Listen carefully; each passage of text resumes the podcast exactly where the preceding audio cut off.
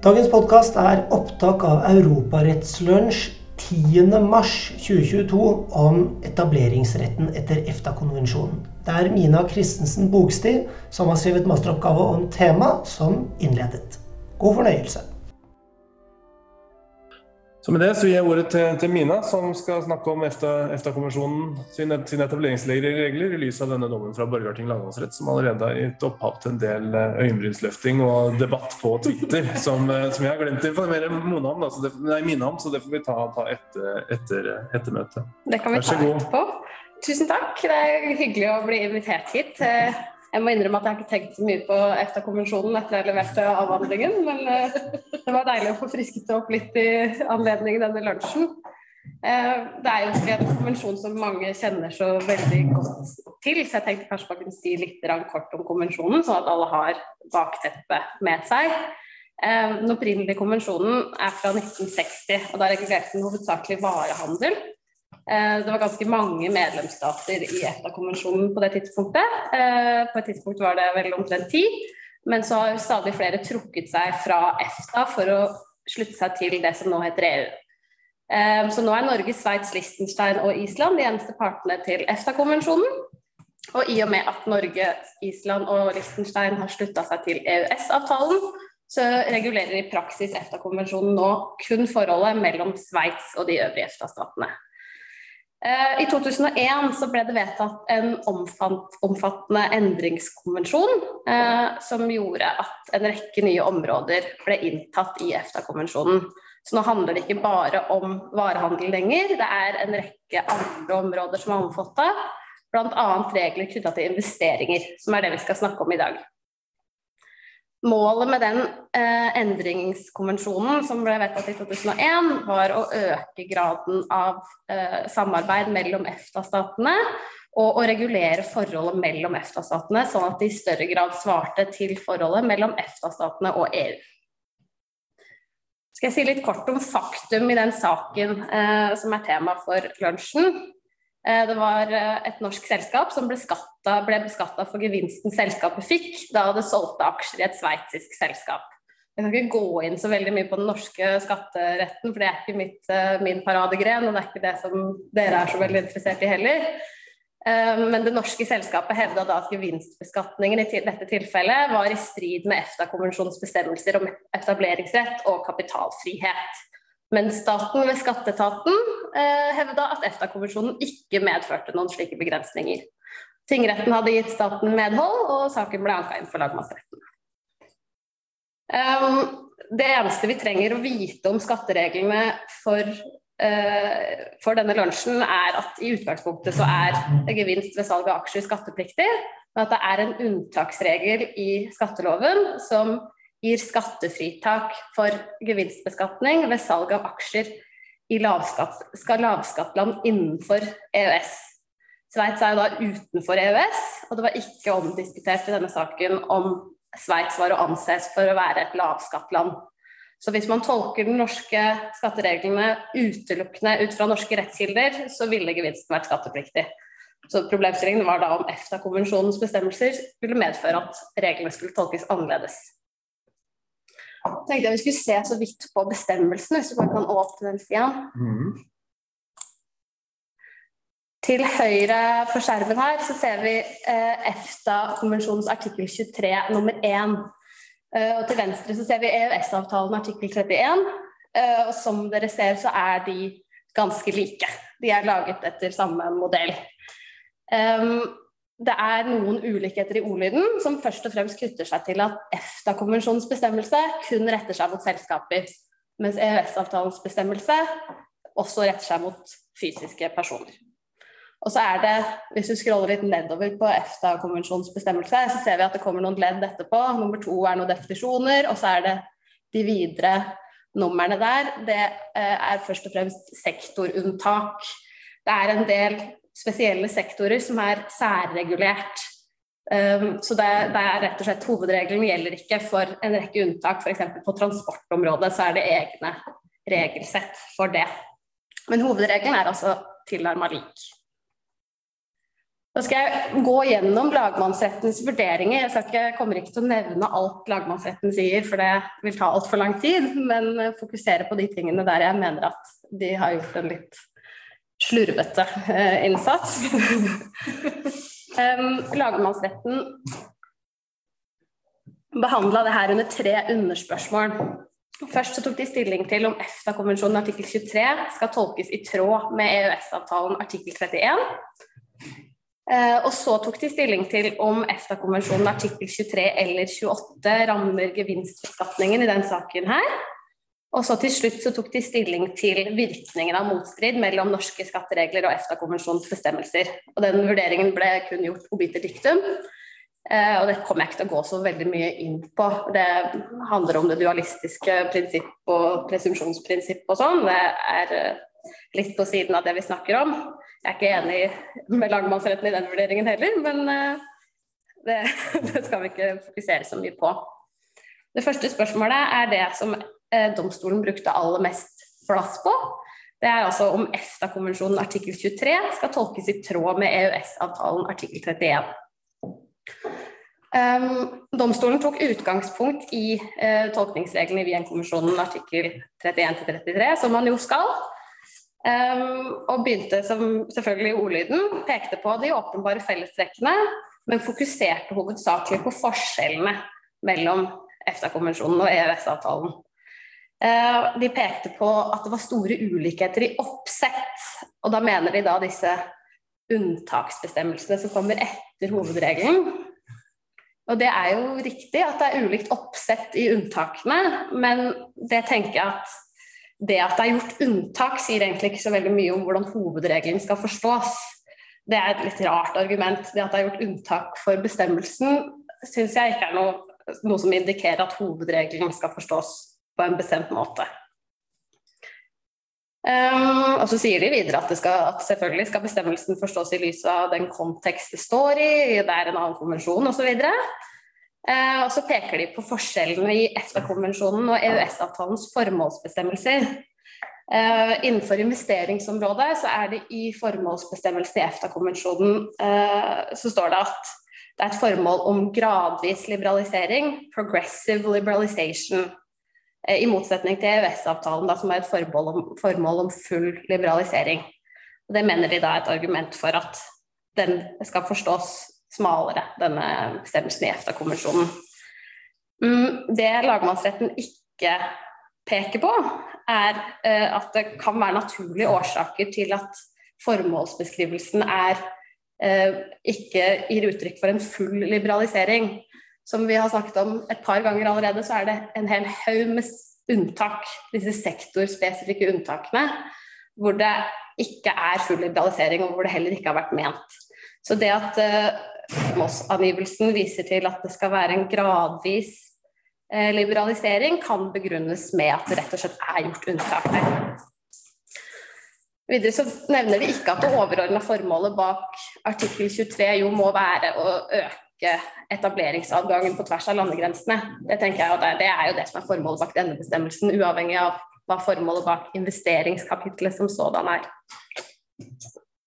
Så peker de på en del sånne uh, helt åpenbare ting, om at EFTA-kommisjonen ikke har noe tvisteløsningsorgan, og at den ikke har samme integrasjonsdybde og dynamisk karakter og overnasjonale preg. Det mener jeg også er helt greit å peke på. Det er forskjeller. Uh, og så peker de på at uh, det er enkelte bestemmelser i EFTA-konvensjonen som uttrykkelig viser til de tilsvarende bestemmelsene i EØS-avtalen eller Sveits sine avtaler med EU. Eh, og mener at da, i og med at det her ikke er noen uttrykkelig bestemmelse som viser til EØS-avtalen, så skal den ikke forstås på samme måte som EØS-avtalen. tenker jeg også er litt Kanskje å trekke det litt langt. Jeg vet ikke hvor naturlig det ville vært i en sånn hovedregel å vise til en annen konvensjon, eh, men det er nå så. De bruker ganske mye plass på forarbeidene til konvensjonen. Eh, og med forarbeider så mener vi her rapporter som ble skrevet i forbindelse med den revisjonen i 2001. Eh, det ble da satt ned et, en styringsgruppe som skulle koordinere eh, arbeidet med revisjonen. Og så ble det igjen nedsatt en ekspertgruppe som skulle se på eh, de ulike modellene man kunne bruke for å regulere det her. Um, og det som er litt interessant, er at lagmannsretten har trukket helt andre slutninger ut fra de dokumentene enn det jeg gjorde da jeg leste dem. Um, det er sånn at det man kan lese ut av disse dokumentene, er at det var veldig omdiskutert uh, hvilken modell man skulle bruke i dette investeringskapitlet. Det var steile fronter hvor Norge sto på den ene siden og Sveits på den andre siden. Og Norge ønsket en ordning som lignet på EØS, mens Sveits ønsket absolutt ikke det. Først og fremst for at de ikke ønsket en endring i konvensjonen som ville nødvendiggjøre omfattende lovendringer i Sveits. Um, og det ble da avvist, disse EØS-variantene, for det ville ikke Sveits uh, finne seg i. Og konklusjonen ble at det skulle være uh, en instrument of traditional international law, en traktat uten overnasjonal karakter, sånn som EØS, men med fleksibilitet med hensyn til å inkludere elementer fra NAFTA og EØS. Um, så det, det, det, er helt klart at det ikke er ment å Det er ikke meningen at man skal ha en EØS, et EØS-kapittel. Det er ikke inntatt akkurat de samme bestemmelsene, men det er åpna for at man kan ha elementer også fra EØS-avtalen.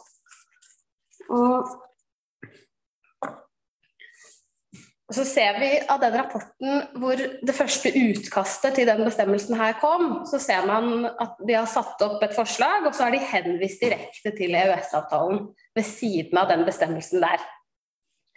Og det mener lagmannsretten da at ikke indikerer at det er ment å innta samme regel, men at den har vært til inspirasjon.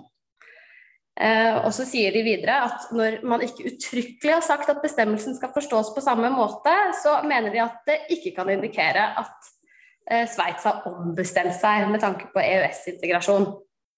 Og det argumentet kan man like gjerne snu på hodet og si at det burde ha fremgått uttrykkelig dersom man mente noe annet hvis man har skrevet en regel som er helt lik EØS-avtalens regel, så ville det kanskje vært naturlig å nevne det hvis de mente at det skulle være noe annet enn det.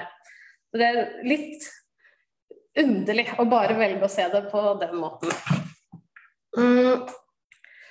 Og da konkluderer lagmannsretten med at disse rapportene taler med styrke for at det ikke var meningen at EFTA-konvensjonen artikkel 23 skulle forstås i tråd med EØS-avtalen artikkel 31 med tilhørende rettspraksis fra EU og EØS. Eh, og det, eh, dette her er jo forarbeider til konvensjonen, så i henhold til Wien-konvensjonens regler om tolkning av traktater, så skal det jo være et supplerende tolkningsmoment. Så det at disse forarbeidene skal tale med styrke for noe som helst, uh, eh, syns jeg er litt pussig. Um, og dessuten så uh, Hvis de taler med styrke for noe, så taler de i hvert fall ikke for dette. Eh, sånn jeg leste dem.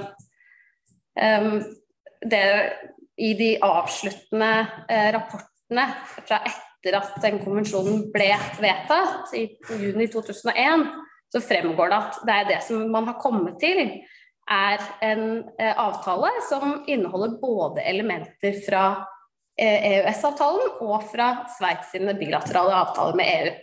Så jeg syns ikke at forarbeidene gir svar på hva som er ment, men de gir i hvert fall ikke det svaret som lagmannsretten her mener at de gir. Så går, eh, går uh, lagmannsretten inn på statspraksis. Det var lagt fram en del lovgivning og lovforarbeider fra andre EFTA-stater, og også den norske stortingsproposisjonen i forbindelse med ratifikasjonen av endringskonvensjonen. Eh, det kommer jeg ikke til å gå så mye inn på, for lagmannsretten kommer til at det er ikke en ensarta praksis. og Det er jeg for så vidt enig i. Det er ikke mulig å se at alle statene praktiserer dette på samme måte, sånn at man kan tillegge dette noe særlig vekt uansett. Lagmannsretten bruker ganske mye plass på den norske stortingsproposisjonen. Eh, det gjorde også tingretten. Tingretten brukte veldig mye plass på det. Eh, men det fortjener ikke så mye oppmerksomhet. Dette er statspraksis for én stat, og det, eh, det, fortjener ikke noe mer plass enn de andre dokumentene som viser de andre EFTA-statenes syn. Var det teori som var uh, anført? Arnesen hadde skrevet en artikkel uh, som de ikke syntes det var noe grunn til å legge noe særlig vekt på. De mente jo at juridisk teori har lite betydning ved tolkning, og det er jo for så vidt greit nok. Og så pekte de også på at han hadde tilgang til færre rettskilder, fordi han ikke hadde lest disse forarbeidene, som tydeligvis er den tyngste rettskilden man skal bruke når man tolker traktater. Uh, og i konklusjonen til uh, denne delen så merker jeg meg at uh, lagmannsretten bruker ordet dynamisk fem-seks ganger, som viser det indikerer i hvert fall for meg at de har fokusert på om, e, om EFTA-konvensjonens bestemmelser skal tolkes i takt med utviklingen i EØS. Eh, og det tenker jeg at er et sidespor her. Eh, fordi også i 1999, før de begynte med arbeidet med denne revisjonen, så var det klart at EØS-avtalen artikkel 31 også setter begrensninger for hjemstaten. Så det er ikke nødvendig å tolke bestemmelsen dynamisk for å komme til at EFTA-konvensjonens bestemmelse er i strid med at de norske skattereglene er i strid med EFTA-konvensjonen. Så det er Her har de hengt seg opp i noe, uh, syns jeg det ser ut som. Og så har de fokusert på det. Og det er for så vidt helt greit at Jeg kan heller ikke si at det er grunnlag for å tolke EFTA-konvensjonens bestemmelse i takt med senere praksis fra EU og EØS-domstolen. EØS-domstolen. Eh, men det er heller ikke avgjørende her. Så det er underlig at det er det som har blitt hovedfokus. Og så går eh, lagmannsretten inn på det som jeg mener egentlig er det sentrale spørsmålet her, om EFTA-konvensjonen artikkel 23 eller 28 rammer gevinstbeskatningen i vår sak. Og Hovedspørsmålet er da om EFTA-konvensjonen artikkel 23, i likhet med EØS-avtalen artikkel 31, også setter begrensninger for hjemstaten. Så at det også omfatter eh, retten Norge har til å skattlegge norske selskaper ved virksomhet i utlandet. Um, og det bruker de ganske lite tid på. De sier at det er ikke noen holdepunkter i ordlyden, formålet eller konteksten for øvrig for at hjemstatskrav skal være omfatta. Gjør ikke noe mer grundig vurdering enn det, vi bare hviler seg på det de har sagt tidligere. Eh, og så sier de igjen at å tolke bestemmelsen slik at den rammer hjemstatskrav, vil innebære dynamisk fortolkning, som det ikke er grunnlag for. Så igjen har de dette med dynamikk som de fokuserer på. Eh, her gjør de da ingen grundig vurdering av ordlyden eller formålet med denne bestemmelsen. Det var bare sånn overordna. Uh, og så er det noen poenger de heller ikke har sett hen til. Jeg tenker at det ville vært naturlig å se på hva, hvordan er etableringsrett etab uh, regulert i andre konvensjoner, EØS-avtalen, men også andre, uh, andre traktater som EFTA-staten er part i. I etterkant av denne revisjonen så ble det inngått en del bilaterale, nei ikke bilaterale, en, del traktater mellom EFTA-statene og tredjestater. Og der var det etableringsbestemmelser som var regulert på en helt annen måte enn dette. Så, og der er det helt tydelig at det bare er vertsstatskrav og ikke hjemstatskrav. Så man kan jo undre seg hvorfor har de valgt akkurat denne bestemmelsen eh, hvis de har ment at, at det bare skal omfatte vertsstatskrav, når de jo kunne ha valgt andre alternative formuleringer. Så, eh, som dere vet, så har jeg kommet til en annen konklusjon enn det lagmannsretten har gjort. Um, når jeg skrev avhandlingen, så syntes jeg ikke det var uh, jeg, jeg, landet klart på den siden jeg landet på, men det var jo rom for å se at det var uh, også argumenter på andre siden. Men det jeg syns lagmannsretten har gjort her, er at de har oversett alle de argumentene som taler imot uh, når jeg taler for da, at, eh, at EFTA-konvensjonen artikkel 23 også skal omfatte hjemstatskrav. Uh, og så tenker jeg også at det er litt klønete å ramme inn saken på den måten de har gjort, hvor de begynner med å stille spørsmål om EFTA-konvensjonen artikkel 23 skal tolkes på samme måte som EØS-avtalen artikkel 31. Uh, fordi det det får man lyst til å svare nei på. Det er en egen, er en egen bestemmelse i en annen traktat, så det å generelt si ja, eh, bestemmelsene skal tolkes helt likt, det sitter litt inne. Man må tolke den i lys av den konteksten, og også eh, man skal tolke den som en selvstendig bestemmelse. Men når man da først svarer nei på det spørsmålet, så overser de helt at EØS-avtalens bestemmelse kan få noe betydning i det hele tatt. Mm. Så jeg syns det blir en helt uh, en litt sånn klønete ramme for det hele. Så Hvis jeg skulle ha skrevet denne dommen, så ville jeg gjort en selvstendig tolkning av artikkel 23, hvor alle mulige tolkningsmomenter tas i betraktning, også hvordan det er formulert i EØS-avtalen. Det var det jeg hadde tenkt å si om det. Er det noen som har noen tanker?